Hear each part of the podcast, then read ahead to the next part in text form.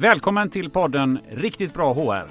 Ibland skiter det sig, en podcast för dig som behöver hantera medarbetare. Idag så ska vi prata om att bygga ett bolag från början där passion, snällhet och att se kunderna som publik blir framgångsfaktorer. Och där HR ibland kan bli ganska utmanande. Särskilt när fackets representanter ställer sig utanför hemmet i gula västar för att man ska skriva på ett kollektivavtal. Strax kommer du få träffa Sara Wennerström från Solhaga Stenugnsbageri och restaurang.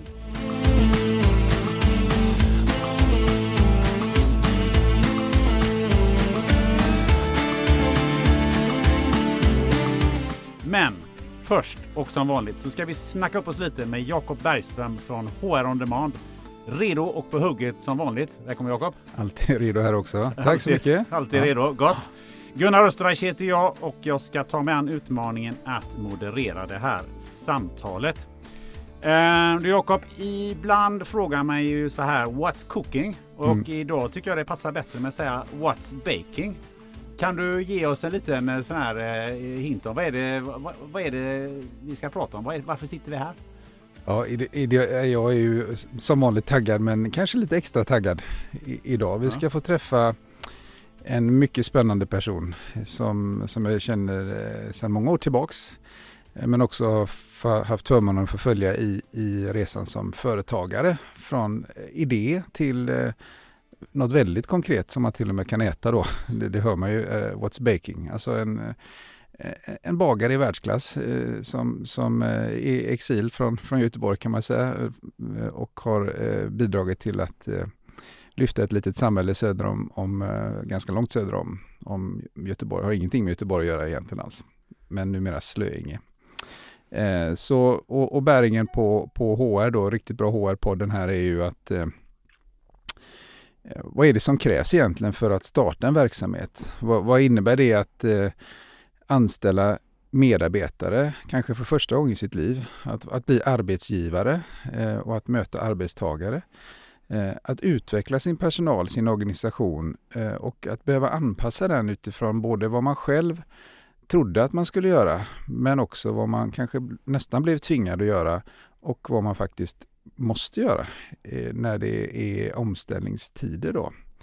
Och just nu när vi spelar in den här podden, det är ju snart december 2022 och världen ser ut som den gör. Eh, för att eh, göra saker ännu värre för, för många företag än vad det redan har varit med pandemi och annan skit och, och så, så, så, så är ju kostnaderna rätt höga. Eh, särskilt för el då om man bedriver någon form av elintensiv verksamhet. Eh, så det här med att ha koll på kostnader eh, och intäkter, men framförallt kostnader, är också någonting som kommer väldigt nära arbetsgivare och chefer och, och i det här fallet också en bagardrottning kan vi kalla. En bagardrottning? Oj, ja, oj. Nu, har vi, nu har vi snackat ja. upp dig ordentligt här. Sara ja. Wennerström, grundare av Solhaga Stenugnsbageri och restaurang. Eh, välkommen till Riktigt bra HR. Tack så jättemycket. Um, du, men du har ju inte alltid varit bagare har jag förstått i, i ett litet försnack vi hade, du, utan du kommer ju från en helt annan bransch. Ja, precis. Jag började som journalist. Mm. Så att jag började på, jobba på kvällstidning. Gick vidare till eh, att eh, utbilda mig inom eh, grafisk, grafisk design, PR, kommunikation och jobbade sen på webbyrå ett antal år. Och eh, de sista sju åren innan jag tog det här klivet då, så jobbade jag på en kommunikationsbyrå som heter Rubrik här i Göteborg. Mm. Men alltså från då rubrik, eh, webbyrå till bageri, det steget är ju hyfsat långt. Varför, varför, tog du just det steget? Ja, men det var ju så liksom på den tiden, eh, där runt 2005, att då kom den här surdegstrenden och det var otroligt vanligt just i våran bransch där man jobbar med mycket deadlines och det skulle gå fort allting. Och så fanns det någonting att man kunde baka med surdeg och det var tvunget att gå väldigt långsamt och det var mycket omsorg och hantverk. Det var liksom en kontrast till det här liksom hetsigare livet på byrån. Så att många höll på med det och för mig var det liksom en avkoppling och någonting som jag tyckte var väldigt kul. Det är lite mm. typ slow food skulle man kunna mm, kalla det, det för. Är det. Ja. Mm. Eh, men inte nog med att du liksom du hoppade av din, eh, din karriär utan du flyttade också. Precis, vi hade köpt ett sommarhus i Slöinge Och då var ju tanken att vi skulle vara där på helgerna och så. Men så trivdes vi ju bättre och bättre och kände att men, kanske att man skulle kunna skapa sig ett liv faktiskt här på landet istället. Alltså helt otippat, för vi var ju liksom inbitna storstadsmänniskor. Bodde och jobbade inom vallgraven i Göteborg.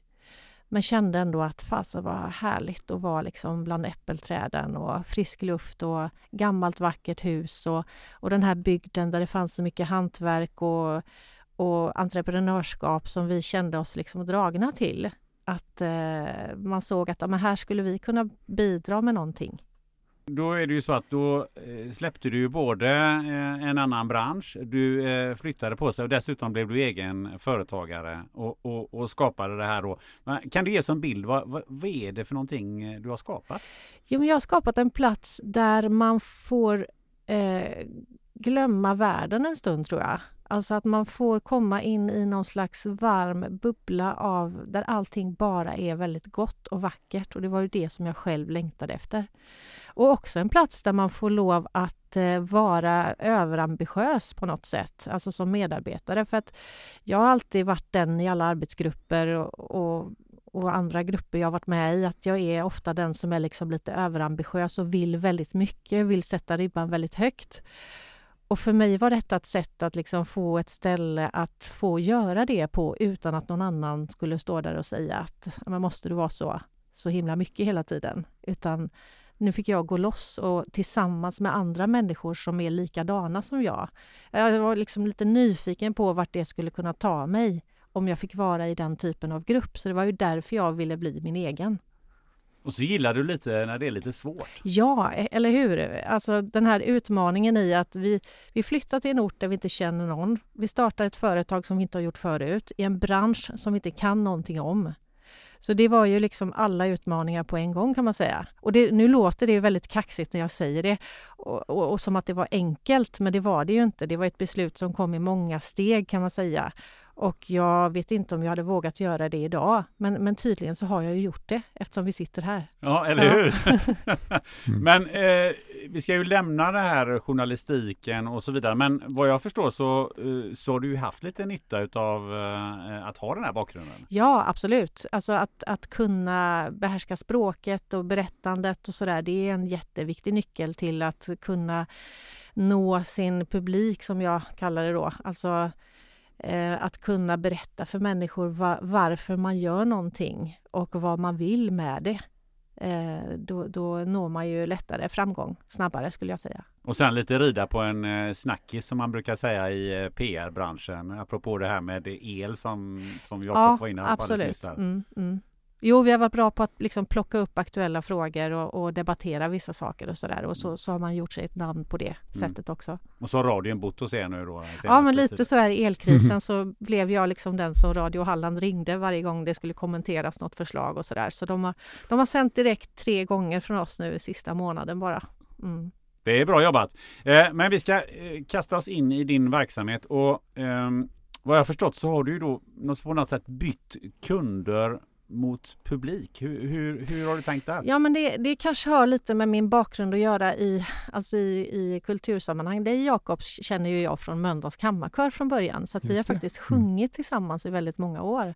Och, och många säger ju till mig att ja, men du har nått dina framgångar med företaget för att du kan PR och marknadsföring och så.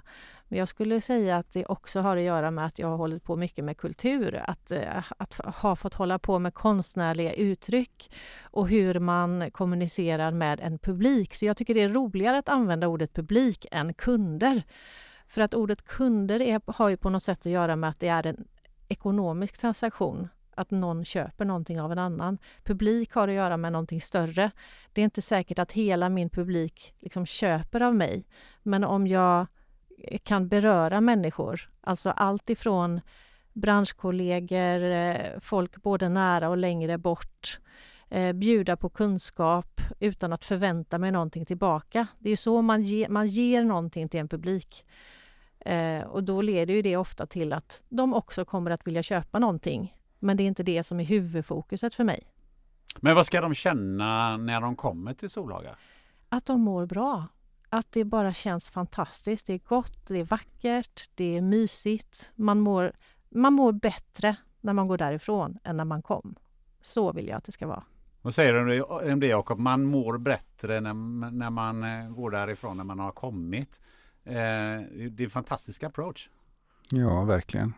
Eh, men som Sara sa, vi, vi känner ju varandra privat sedan väldigt lång tid och jag kan bara hålla med att eh, lärdomarna eller insikterna som man får eh, att hålla på med kultur och, och vara producent då kan man säga eh, är väldigt, till väldigt stor nytta i, i företagande, företagsamhet. Jag tror till och med det så här med vad gäller Solaga specifikt som ju eh, inte hade blivit om det inte vore för just Sara, men inte heller om det inte vore för Ante som, som du är gift med. För det, det är ju att, att vara företagare, starta någonting, det kräver ofta att man har nära och kära som, som ställer upp på många sätt. Men jag tror, eller Solaga så är det ju så att man känner någonting redan innan man åker dit. Det har ju kommit att bli så att det är, det är en destination har ni skapat lite grann. Köerna ringlar ju på sommaren. Mm. Eh, och så blir det lite grupptryck också. Så där har ni lyckats eh, få in, eller grupptryck vet jag inte, men att vi åker till Solaga. Mm. Men grunden är ju att ni gör fruktansvärt gott bröd. Mm. så mm. kan man inte komma ifrån heller, att det, det, ska man inte glömma av att produkten som man har måste vara bra. Precis som en kör, mm. måste låta bra för att någon ska vilja säga till några andra, kom, kom och lyssna ni också. Mm. Eh, eller kom och ät det där brödet. Så, och det är verkligen en upplevelse. Men det har inte varit lätt. Och, och nu, vad är det, sju år du mm. på?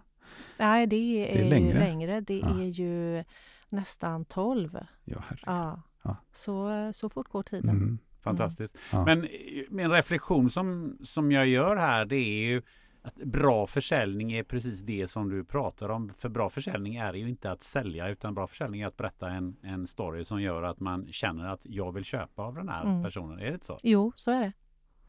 Det är väl, det är väl lite det, det, det är väl det så bra säljare eh, som jag, säljare som jag gillar mm. gör. Ja. ja, och att man kanske inte ser ja, men just att den här eh, när någon kommer in i butiken, eh, till exempel en mamma och ett barn, så, så är det ju mamman som har plånboken.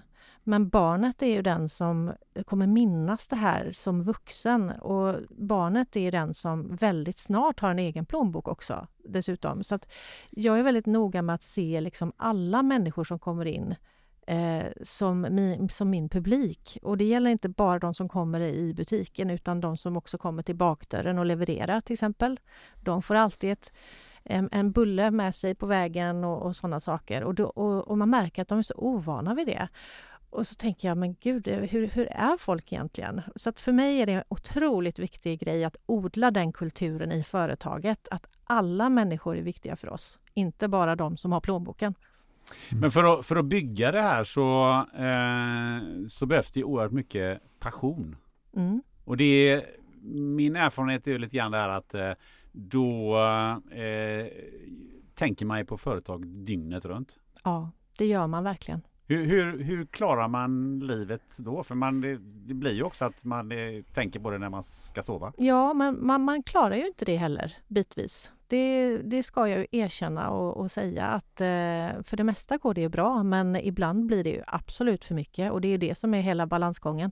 Man, man tänjer ju hela tiden på sin kapacitet och på sin förmåga för, för att driva runt det här. Och det måste man göra, man måste ligga liksom på gränsen hela tiden. Eh, och ibland så tippar man över, så är det bara. Men då lär man sig att hantera det. Så det är väl mer det att men det går inte att undvika att det, att det blir så ibland. Att ligga på gränsen, det, det låter lite som elitidrott. Ja, ja men det, det är ungefär samma. Alltså man blir ju inte bättre heller om man inte tänjer på den där gränsen. Vad hade du för plan eh, när du startade? Att bli Sveriges bästa bageri? Ja, eller men det, det, stod i min affärsplan så här att Solaga ska bli ett av Sveriges bästa och mest omtalade bagerier. Fruktansvärt kaxigt. Men jag visste ju också det att, att man måste ju tänka så. Om det ska bli någonting, så varför inte faktiskt säga det högt? Att jag vill detta. Hur blir omvärldens reaktion om man säger på det sättet? Ja, men de tror inte riktigt man är klok. Alltså, I Slöinge trodde ju ingen på att det här skulle lyckas. För, för allting annat hade ju lagt ner. Det var liksom lite på dekis och det hade funnits eh, post och bank och allt möjligt som hade lagt ner och nu kom stackars jag hade satsat alla mina pengar. Vi hade sålt lägenheten i Göteborg och bara satsat allt på att bygga det här bageriet och stackars sig, sa de. Det här kommer inte gå. Jag sa de där på, satt där på bänken och sa det går aldrig. Ja, det, det, det går inte, Det går man i Falkenberg. Det går. Nej, precis. Nej. Eh, Men vi pratar om det här med prestation och för det kräver ju prestation från dina anställda Mm. också. Och hur, hur klarar man den balansen? För det kan ju också bli ganska tufft. Nej, men jag tror att jag kan vara ganska eh, tuff som chef, men det är också därför jag är noga med att kombinera det med det här snällheten som jag tycker är så viktig i en organisation. Och med, med snällhet menar jag att man har liksom en, en genuin vilja att alla människor runt omkring en ska må bra och att man agerar på det sättet. Och kombinerar man den snällheten med en otroligt hög ambition då, då kommer man ändå framåt tycker jag utan att det blir obehagligt. Eh, utan man får en, en arbetsgrupp där alla är trygga med att man får göra misstag, att man, det är okej att man eh, Prova någonting som är helgalet och så får det misslyckas. Eh, och gör man fel, ja det gör man ibland. Men det är så viktigt för mig att alla är trygga i det, att man får göra fel och det är okej så länge man bara gör sitt bästa. Eh, Så det har funkat faktiskt hittills och eh, det där med snällheten det, det är den egenskapen som jag letar efter eh, som nummer ett i de som jag rekryterar. Det är det faktiskt. Vad tänker du Jakob när du hör en, en blandning mellan eh, en elitsatsning med hjälp av snällhet? Eh, hur, hur, hur låter det ur ett HR-perspektiv? Ja, men jag tror mycket på snällhet eller kind eller omtänksamhet eller kärlek om man, man så vill. Att det är en viktig förutsättning för att människor ska trivas. Eh, så tänker jag också så att yrket som, som du har valt, eh, bagare, eh, för det säger du med stolthet att du är bagare. Mm. Du tycker om att, att vara bagare igen nu. Ja. så är det ju eh, det är ett yrke där inte, det har inte så lite lärling i sig. Så att om man rekryterar rätt människor som får jobba med någon som är väldigt duktig på det han eller hon gör Mm. så, eh, så blir det om inte enklare så i alla fall tydligt. Och, och du, är- du är ett väldigt tydligt exempel på att gå först och också gå sist samtidigt. Så man leder, leder genom att visa hur man kan göra, eh, eller hur du gör och sätter någon slags standard kring det där. Och sen så är det så uppenbart i en liten verksamhet att man också är den som faktiskt tar ansvar för att man städar upp efteråt eller, eller följer upp. Mm. Så det tycker jag vi har exempel på även i, ledare, ledarskap i större organisationer. Att ja, man går gärna först, man vågar gå först, men man ser också till att inte bara lämna och låta de andra ta hand om skiten, utan Mm. vara med där. Mm. Eh, snällhet kan ju också vara lite jobbigt för att eh, det är lätt att man emellanåt blir utnyttjad då, eller kan känna sig utnyttjad. Ehm, och, det kanske har hänt dig också någon gång.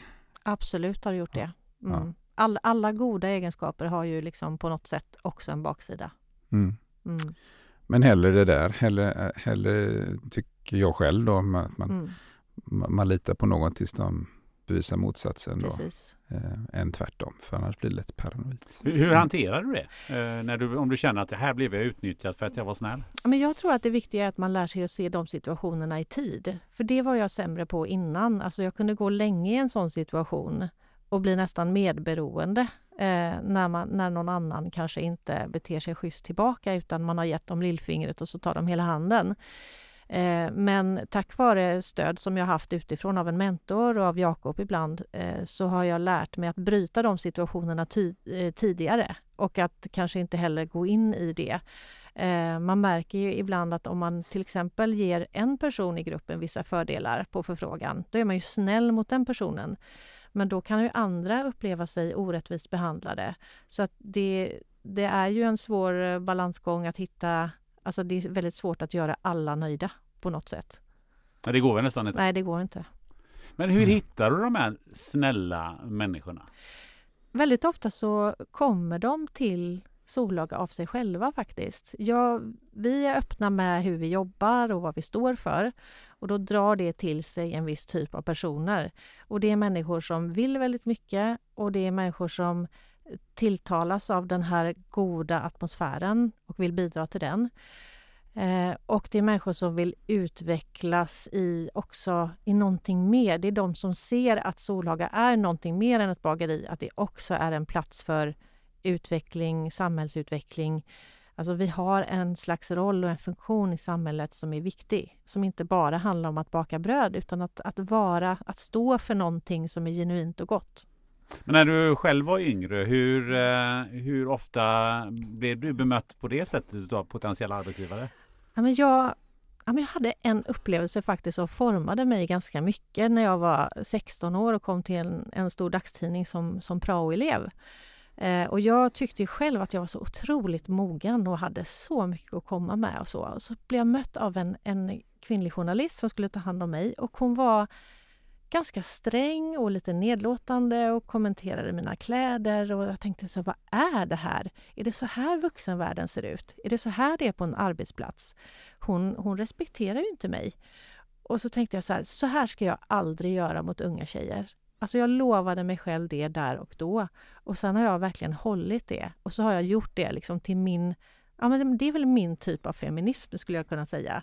Att, eh, att stötta yngre tjejer och se unga människor överlag, både killar och tjejer, som väldigt kompetenta redan från början.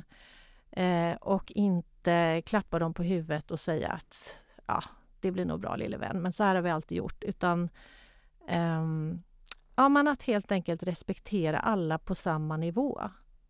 Det, det är väldigt viktigt för det, mig. Det känns ju som att du också då har släppt iväg eh, några av dina anställda för att få, få ta egna initiativ. Absolut, och det är ju ett sätt också att överleva den här eh, passionen man bär på. Alltså man kan inte kontrollera alla delar i ett företag när man är så himla mån om detaljerna som jag är.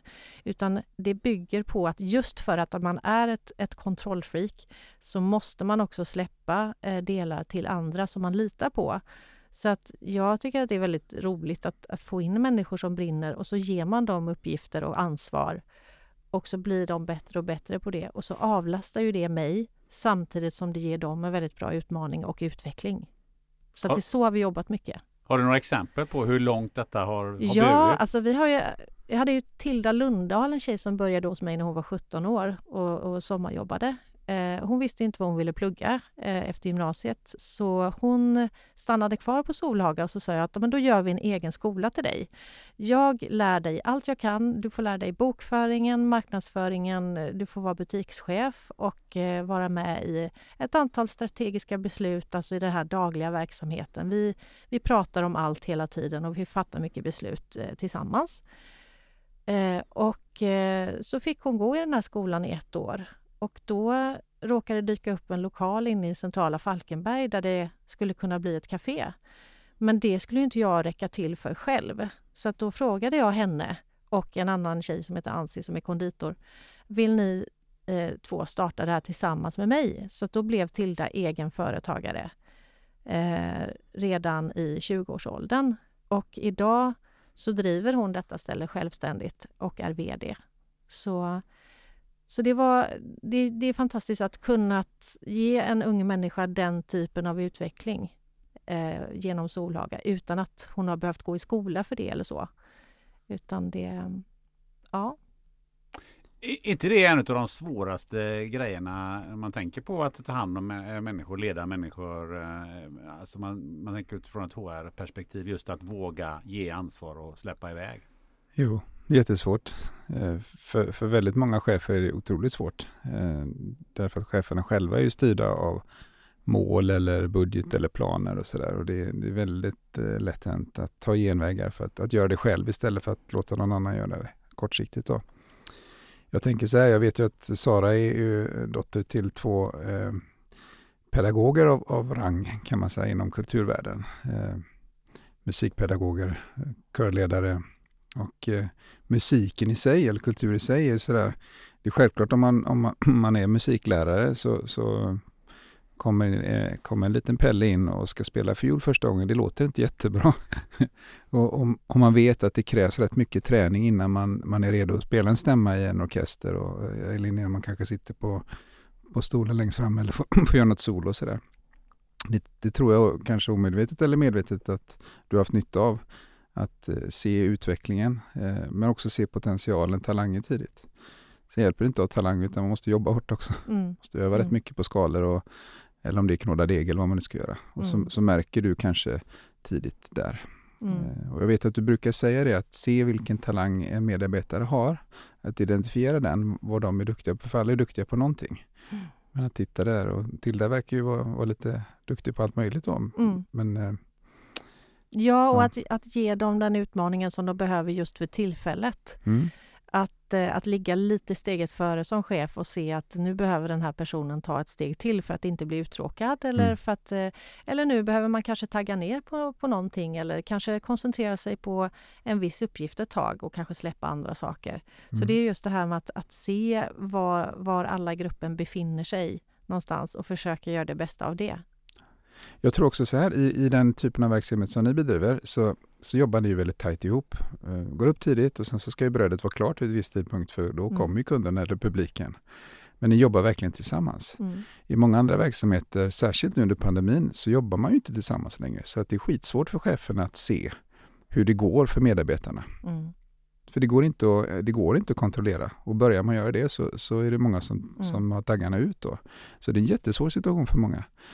Jag säger inte att det är lätt, men det är lättare när man faktiskt kan jobba som chef tillsammans med sina medarbetare. Eller som vi har pratat om i andra avsnitt i podden, att när man är coach eller tränare då för ett lag. Man, man möts flera gånger i veckan och, man, man ser verkligen kroppen hos ja, kroppen och andningen och allting. Man är väldigt närvarande som chef per automatik.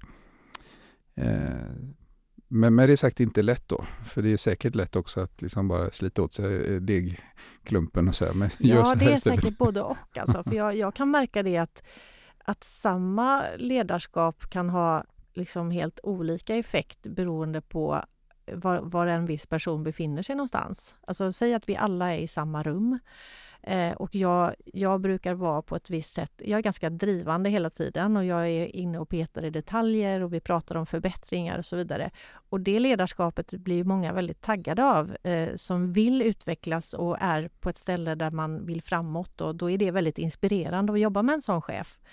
Men är man på, på lite dåligt humör och haft en dålig sömn och kanske känner sig lite nere och så, då kan ju exakt samma ledarskap bli eh, nästan liksom få motsatt effekt, att man känner sig liksom lite nedtryckt och så. Och det är ju någonting som jag har fått jobba på verkligen, att läsa av. Alltså vad, alltså hur ska jag leda den här personen just idag?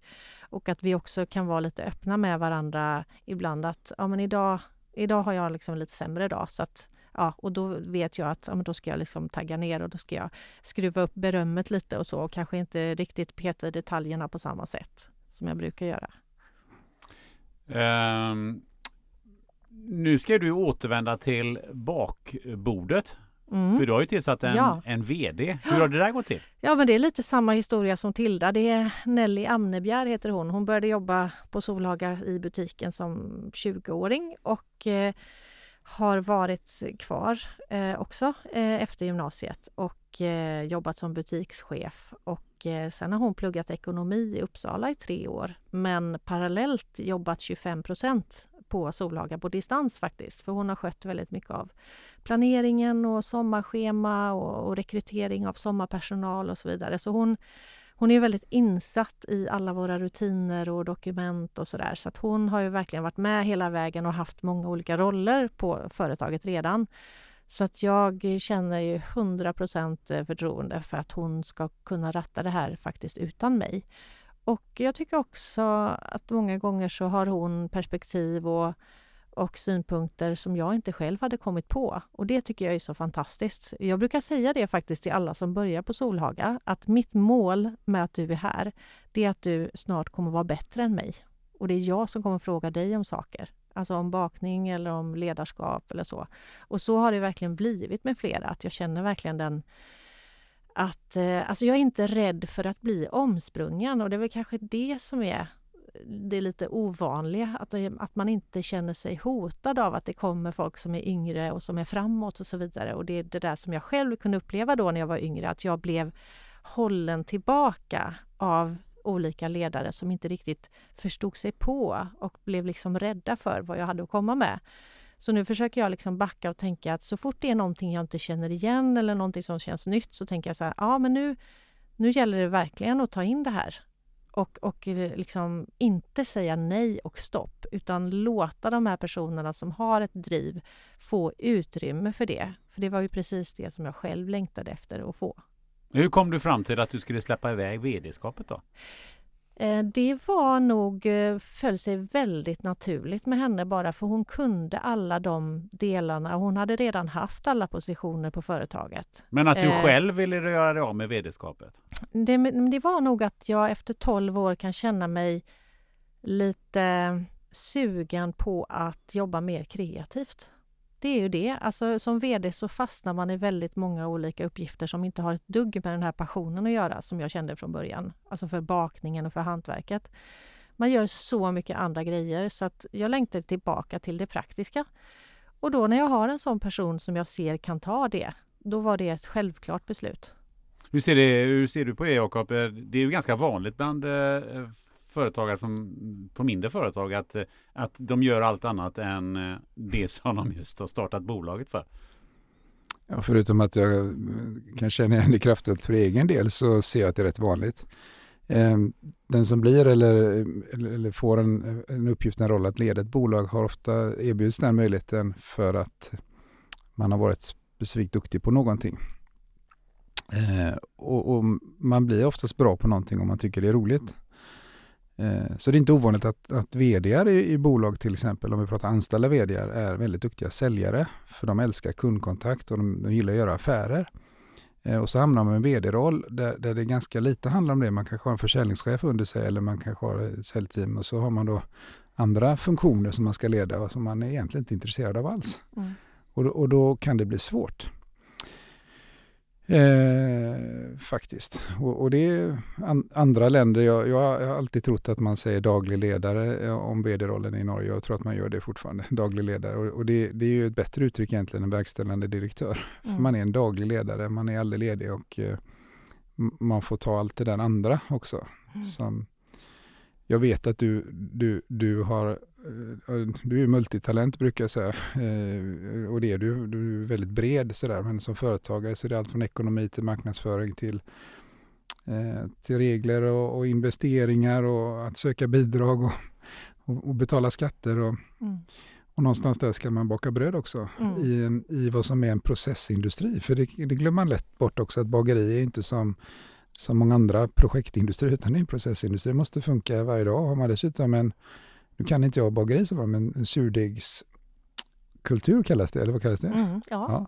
Och den, mm. den, har, den kan vara flera år gammal, eller hur ja, funkar absolut. det? Den, ja, den eh, förnyas varje dag. Mm. Ja.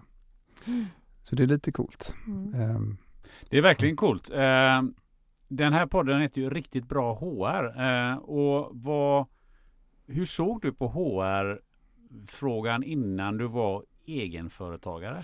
Jag hade nog en bild av att HR var eh, personer som satt på någon avdelning och hade liksom skrev kontrakt och liksom Ja men jag hade nog en ganska vag bild av det, att det var bara någonting som fanns och det tror jag är väldigt vanligt att som anställd har man liksom inte någon större aning om vad det är. Eh, så att som många andra som startar företag så blev jag nog överraskad av att den här biten med personal var så omfattande och både så fantastiskt rolig och väldigt tung också bitvis. Det, hur, hur svår tyckte du att den här, tycker du att den här frågan är egentligen? Eh, jag tycker det är den eh, svåraste i, i företagandet. Det, jag, jag tycker absolut det, att det är den mest utmanande delen med att driva företag. vad är det du har lärt dig under den här eh, resan när det och det, det är väldigt mycket saker. Alltså vi har varit med, varit igenom en del upp och nedgångar och kriser och sådär. Men det som jag har lärt mig det är ju att man eh, att man bara får helt enkelt försöka se varje människa eh, där den är just nu och försöka anpassa sig lite grann efter det.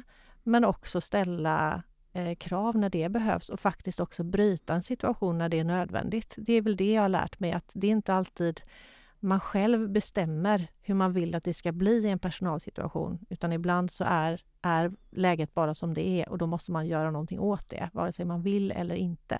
Och ibland kan man behöva lite hjälp utifrån. Ja, det, det kan man verkligen behöva. Det tror jag är otroligt viktigt att man tar den hjälpen också i de eh, situationer där man eh, hamnar. För att då, man kan vara så, så stora svårigheter att man inte ser själv vad man behöver riktigt. Plus att man inte har kunskapen heller. För det är ju ett helt eget område. Men vilken typ av stöd har du tagit?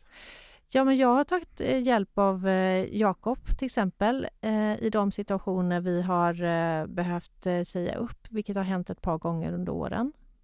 Sen har jag också en mentor som heter Birgitta Henning som är fantastisk. Hon är sedan många år organisationskonsult och vi har träffats regelbundet i 13 år.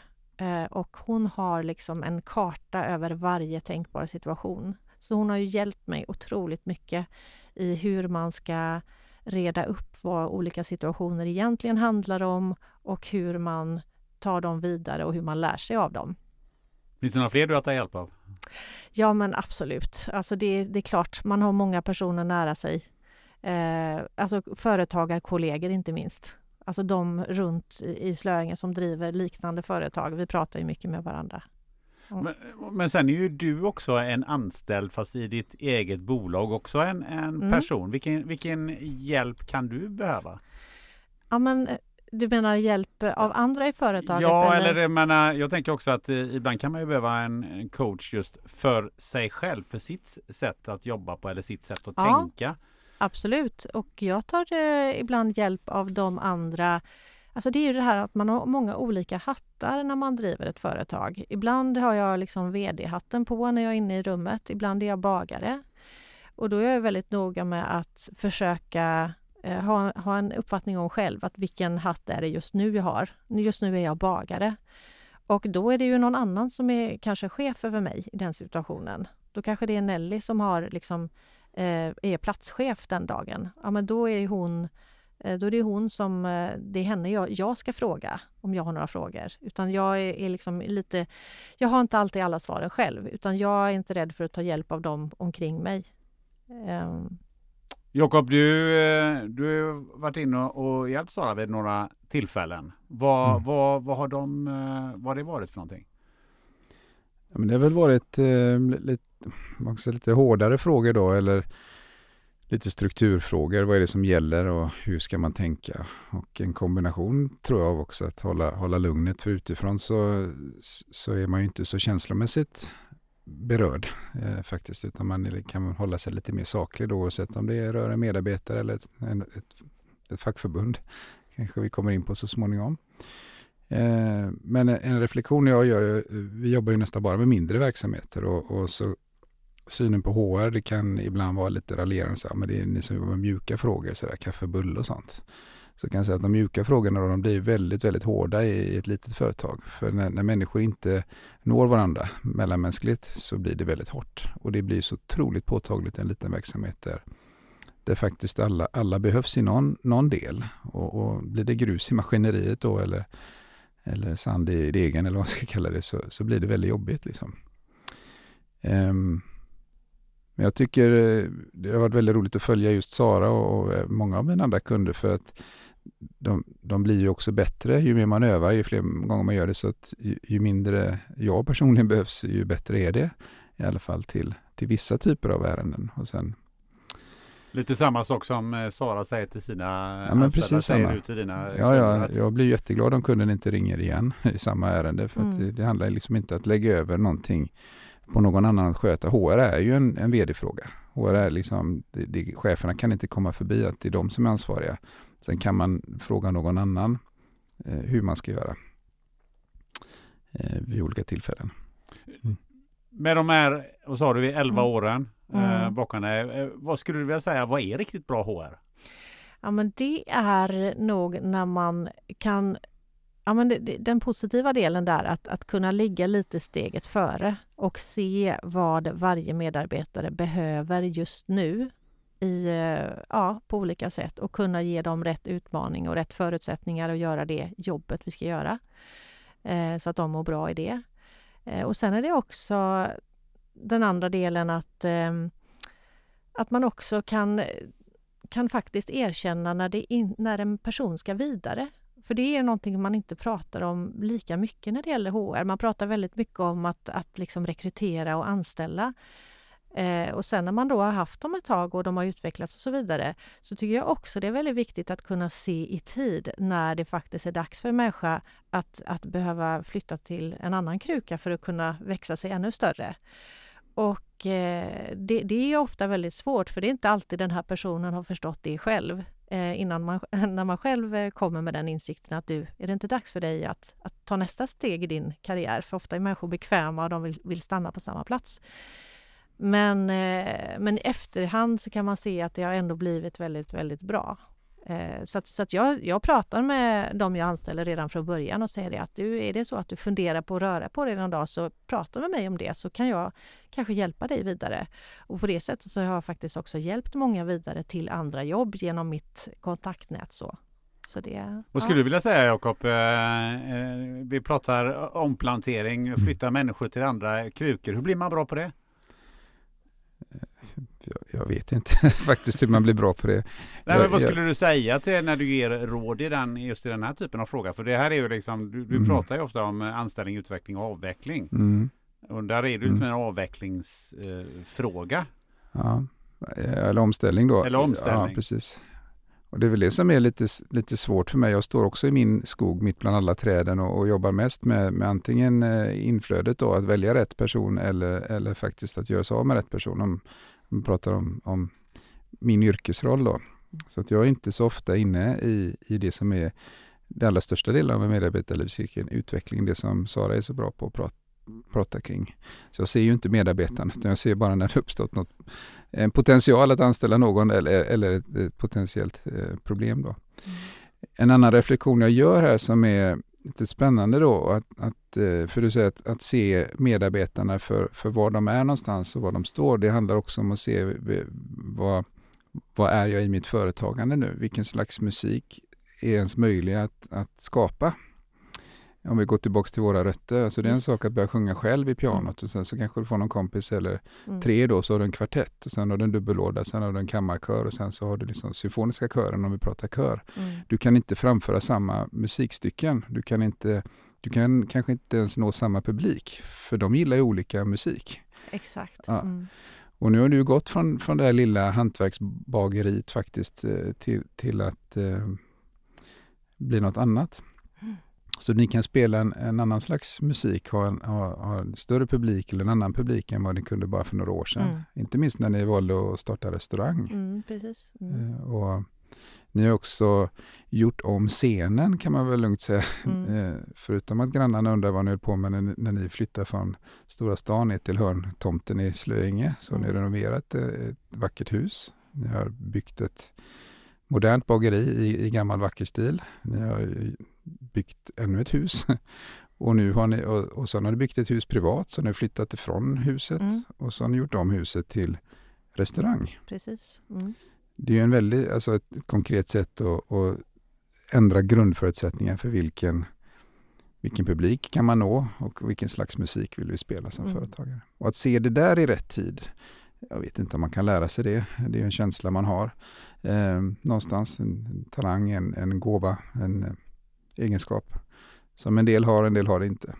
Vi, ja. Vilka utmaningar har det ställt på er, ja. på er utifrån ett HR-perspektiv? Ja, alltså det är förändring skulle jag säga som är utmaningen i det. Att på något sätt så lyckas vi hela tiden sätta oss i situationer där, där vi, som du säger Jakob, vi förändrar scenen och vi bygger om scenen och vi startar nya koncept.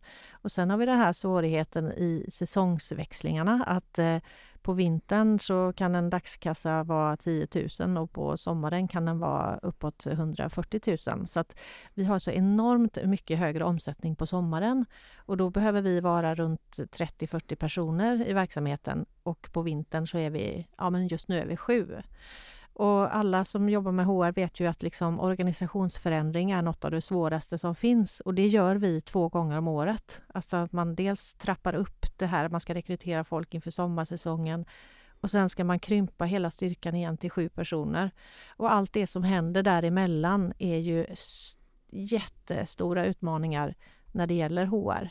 Att alla ska på något sätt trivas i den här förändringen och eh, ändå tycka att det är kul och att det är hanterbart och så.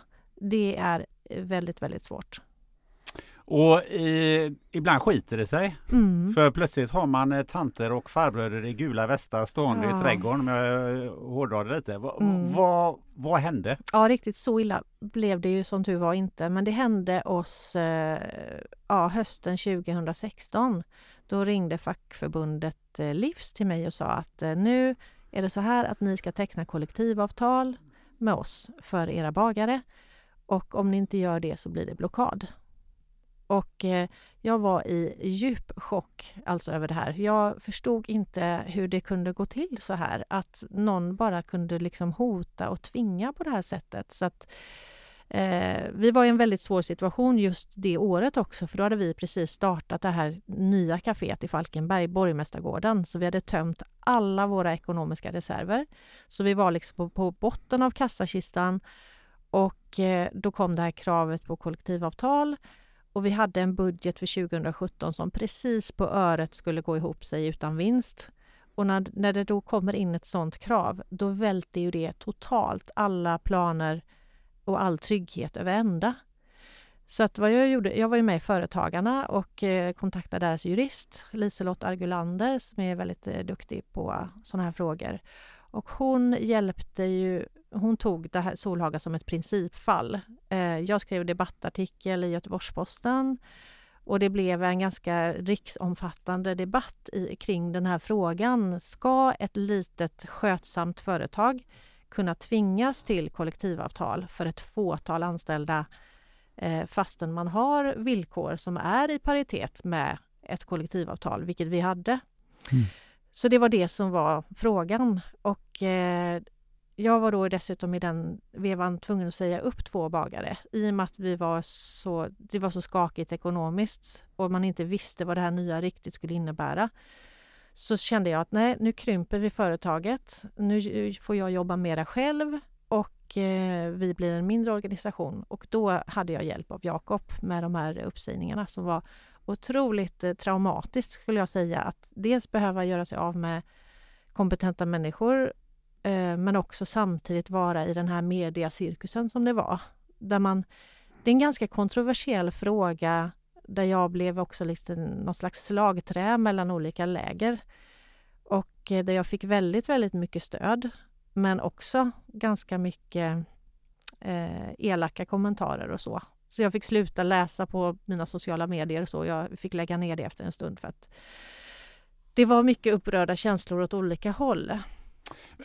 Jag som eh, sitter utifrån och, och kanske inte har hundra koll på de här typen av frågor men Får man verkligen göra så att blockera ett företag eh, bara för att man ska tvinga det att skriva ett visst avtal? Finns det en laglig bas för det där? Alltså det, det står inte i lagen att man måste ha kollektivavtal och det har, de flesta småföretag har ju inte det. Eh, därför att det blir lite komplicerat och fyrkantigt, särskilt när man befinner sig kanske lite i gränslandet mellan olika branscher. Eh, kollektivavtalen är ju skrivna för, för större företag och industri och det, där fungerar ju det jätteväl. Så att det är ju verkligen inte så att jag är emot kollektivavtal eh, utan jag tycker det är fantastiskt bra att det finns. Eh, men i ett mindre företag kan det funka bättre att man, att man formar förmånerna lite efter var och en. Att Mm. man eh, på något sätt, alltså, och grejen är att själva sakfrågan reglerar sig själv. Du kan aldrig ha så dåliga villkor. Eh, du kan inte ha sämre villkor än ett kollektivavtal för då får du inga anställda. Det är bara så det är. Så att på något sätt så är det lite självsanerande skulle jag säga i mindre företag som har svårt att, svårt att hitta bra arbetskraft som vi har haft. Men ehm, Vad, vad innebär det att teckna kollektivavtal för ett mindre företag? Ja, men det innebär, eh, alltså för, för oss hade det inneburit mycket krångligare administration. Att eh, olika personer i arbetsgruppen hade behövt ha olika kollektivavtal. Så vi hade varit tvungna att teckna både livs och hotell och restaurang beroende på vilka arbetsuppgifter man har. Och sen så roterar ju alla. Alla gör ju allt på Solhaga. Så att det hade då blivit kanske lite orättvisor inom gruppen. Det hade blivit eh, ja, men krångligare administrativt skulle jag säga och lite mer stelbent hur det fungerar med, med olika typer av grejer. Så att jo, jag, jag, tror jag hade tecknat avtal om mina anställda verkligen hade velat det. Men nu var det ju ingen som ville det. Alltså vi pratade ju om det öppet och jag frågade verkligen så här, tycker ni det här, att vi ska ha detta? Och så. Och nej, de var inte så intresserade av det. För de hade försäkringar som var bättre än kollektivavtalet. Så att, ja. Mm. Nej men på något sätt så, ja, den här debatten som blev, till slut så, så hörde jag ingenting mer från Livs. De blev bara helt tysta. Det, frågan bara rann ut i sanden och eh, vi hörde inget mer så att historien fick liksom aldrig något slut kan man säga. Hur upplevde du det här eh, utifrån Jakob? Jag, jag, kunde ju ta det lite lugnare eftersom jag dels inte be, det var direkt berörd. Men, men också eftersom jag vilade i det att det råder ju avtalsfrihet eh, även för arbetsgivare i den här frågan. Och, och, och vi hjälptes ju åt lite grann där. Men just det som du var inne på nu att när man har en liten verksamhet som, eh, som bedriver där de olika rollerna kan man säga, eller medarbetarna faktiskt eh, skulle pendla mellan olika avtalsområden då. Eh, och vilket ska jag välja? Och det finns ju det finns flera case på det där, där fackförbunden snarare bråkar med varandra än med arbetsgivaren för de vill in på en arbetsplats där det redan finns ett kollektivavtal. Men det är klart, det var, det var frustrerande. Du hade jättebra hjälp från företagen, eh, jurist, eh, juristen där och eh, du är väldigt bra själv på att driva en fråga. Eh, jag, jag, var aldrig speciellt orolig egentligen för jag, jag de allra flesta företag jag träffar är väldigt bra företag. Eh, det finns företag jag springer på emellanåt som inte är bra som verkligen skulle behöva ha kollektivavtal därför att de har inte ordning på någonting. Det kan vara fördel med, med ett kollektivavtal att behöver man inte fundera. Det hade vi även ett resonemang om. Vad skönt att inte behöva tänka på allt det där då för det är ju mm. redan reglerat. Men när man, när man är ett litet företag och har koll på läget och, och följer principerna där så, så funkar det ändå. Men det, det var en det var en jättejobbig situation för dig eh, eftersom eh, ja, du kände dig ju påhoppad också. Man känner sig anklagad som om att man inte skulle vara en bra arbetsgivare när man vet med sig men jag är ju en bra arbetsgivare. Och, mm. och, och, det räcker ju tyvärr oftast med att en då i medarbetargruppen kanske pratar med sitt fackförbund eh, och, och, av någon anledning inte är nöjd då. Eh, jag vet inte om det var så där, men, men då kan fackförbundet gå igång och tycka att ja, men nu ska vi välja ut det här företaget som ett exempel för alla de andra. Och det var ju fel, fel kvinna att gå på då, eh, mm. faktiskt. Eh, ja, vad jag vet så är det nog det första tillfället där de inte har gått vidare och är med mm. blockad. Mm. Men det var ju också, alltså bara tanken på att de skulle stått där med gula västar utanför vårt hem. Mm. Alltså det var, för mig var det ett sånt intrång i integriteten och i den här friheten. Jag har valt att bli företagare för att jag vill eh, fritt på något sätt skapa och här kommer någon och, och säger att eh, mm. det får du inte. Hur mådde du i allt det här? Fruktansvärt dåligt just då och så var jag tvungen att jobba väldigt hårt själv. Så att den kombinationen med hårt eh, fysiskt arbete och eh, samtidigt den här eh, mentala pressen Eh, då eh, gick jag in i väggen faktiskt och blev sjukskriven i en månad för utmattning. Hur eh. driver man ett bolag vidare när man är sjukskriven fem Jag månader? vet inte hur det gick till. Man kan ju inte vara utmattad så länge. Det går ju inte. Så att jag tror att jag var hemma i fyra veckor och sen gick jag tillbaka igen. Och sen har det ju tagit ganska lång tid att repa sig ifrån det. Det har ju gått väldigt långsamt men jag skulle nog säga att idag känner jag mig att jag är tillbaka i, i, min, ja, i, i min fulla kraft. Just nu känns det så. Eh, men det är klart att man, man är ju kanske lite skörare än innan, skulle jag nog säga. Hur tog du dig ur det Alltså själva utmattningen? Eller? Ja, eller överhuvudtaget hela situationen. Med eh, fackförbundet? Mm. Ja, alltså det var på något sätt som att det rann ut i sanden. Det hände inte någonting mer efter det. Det var en, en våldsam debatt och sen så ebbade det ut liksom. Men jag har blivit lite mer försiktig med att debattera frågor offentligt. I några fall har jag varit ute och det kommer, det kommer en ny lag om personalliggare. Eh, att även ägare måste skriva in sig i eh, personalliggaren. Alltså med personnummer mm. och, och klockslag in och ut. eh, och det, där gick jag ut och debatterade med ett blogginlägg där jag Eh, jag ringde Skattemyndigheten flera gånger och ställde frågor så här, hur det skulle funka hemma hos oss det, i och med att vi bor då på vårt jobb. Att eh, om barnen kommer hem från skolan och gör en macka och inte är inskrivna i boken, får vi böta då 12 500 kronor? Ja, säger de då.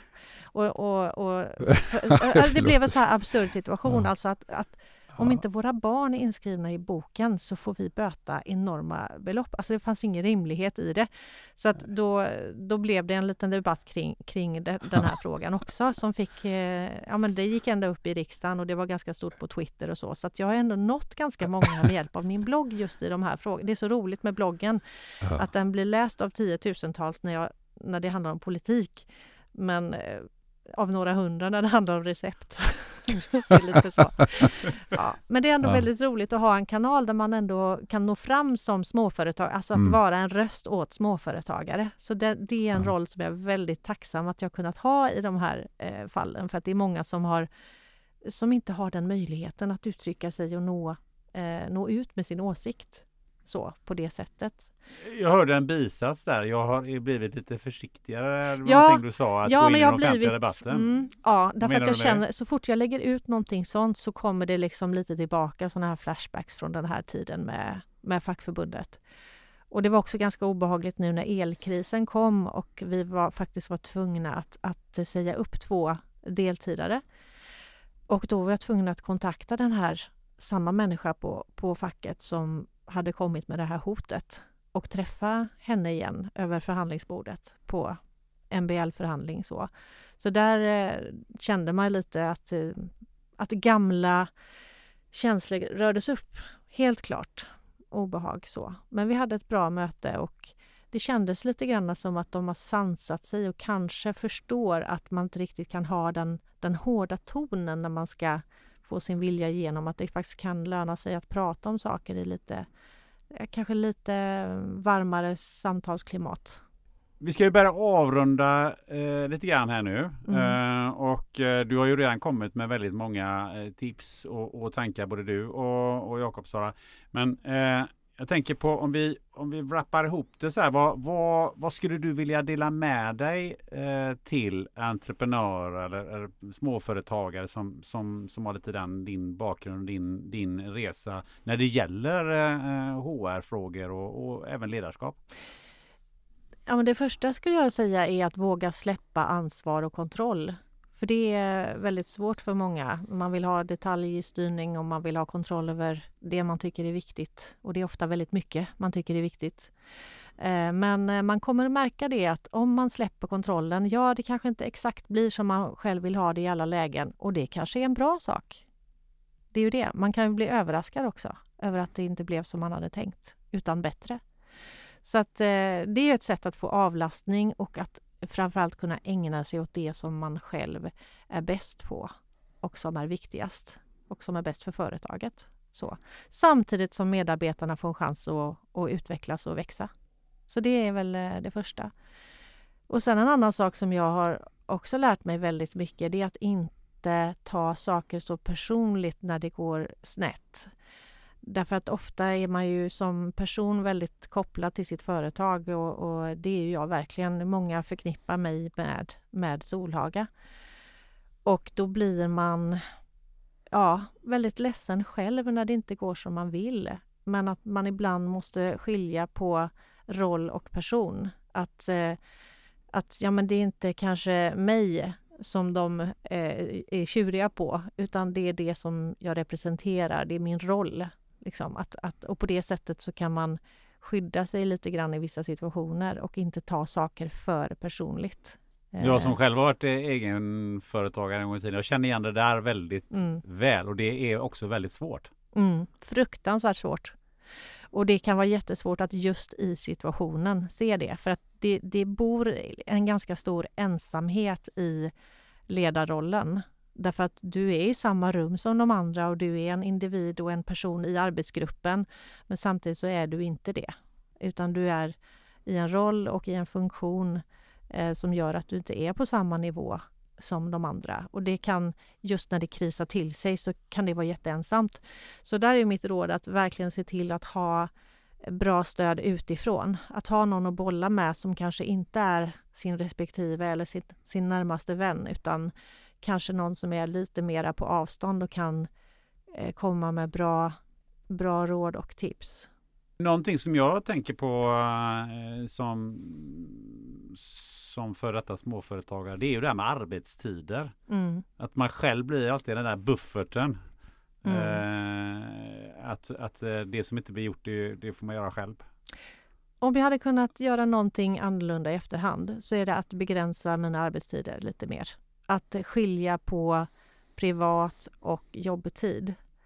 Och kanske också se till att odla privata intressen och vänskaper, att inte glömma bort dem. För det är så otroligt lätt när man driver företag att man går upp i det och så gör man liksom bara det. All tid och energi går åt till det. Men att inte glömma bort sina fritidsintressen och människor man umgås med. Det är så himla viktigt att hålla kvar den kontakten med liksom den verkliga världen på något sätt. Kontakt med den verkliga världen, vad säger du Jakob? Ja. Vad är dina reflektioner efter det här eh, samtalet? Ja, jag har så många, men jag, jag vet ju att eh, just Sara är en, en, också en sensitiv personlighet, skulle man väl kanske kunna uttrycka det som. Eh, Du är väldigt bra på och, och att fånga in känslor, eller att känna av känslolägena. Och det är en gåva, men det kan också vara en belastning. Eh, jag skulle nästan vilja summera det här avsnittet med eh, titeln på en bok som jag inte har skrivit ännu, men, men Intonera mera eh, handlar jättemycket om att eh, intonation i, i kultur och musiksammanhang handlar om att lyssna av, känna av eh, hur, hur låter det nu och hur kan vi skruva lite på de olika stämmorna eller, eller eh, nyanserna. Mm. Det vet jag att Sara är väldigt bra på. Det är väl inte det du har sagt hela tiden, att, att du lyssnar, du, du, du känner av, du ser medarbetarna för, för vad de är just nu och eh, vad de också skulle kunna låta som eller bli på sikt. Så ehm, intonera mera är ett, att lyssna mer, att, att känna av hur det, hur, hur, eh, hur det funkar och, och det du säger själv är så väldigt bra att ja, men det blir inte som du planerar men det kanske blir bättre. Mm. Det, det, blir, det kommer inte bli som man plan, planerar, men, men riktningen framåt måste vara där. Och det här med att som företagare eller som chef för en del med stort ansvar eh, säga att man omfattas faktiskt av arbetstidslagen eller, eller 40 timmars arbetsvecka, det är bara att glömma. Då ska man inte vara det. Mm. Eh, och, och ni som inte är det eh, kan väl bara uppmana i radion här då att eh, eh, ja, det är så oerhört mycket arbete bakom att driva och starta ett företag eller att vara chef för den delen. Så när man lägger sina kommentarer i sociala medier om, om företagarnas vinstutdelning eller något annat så ska man veta att det är väldigt låg timpenning hur man räknar. Ungefär så. Mm.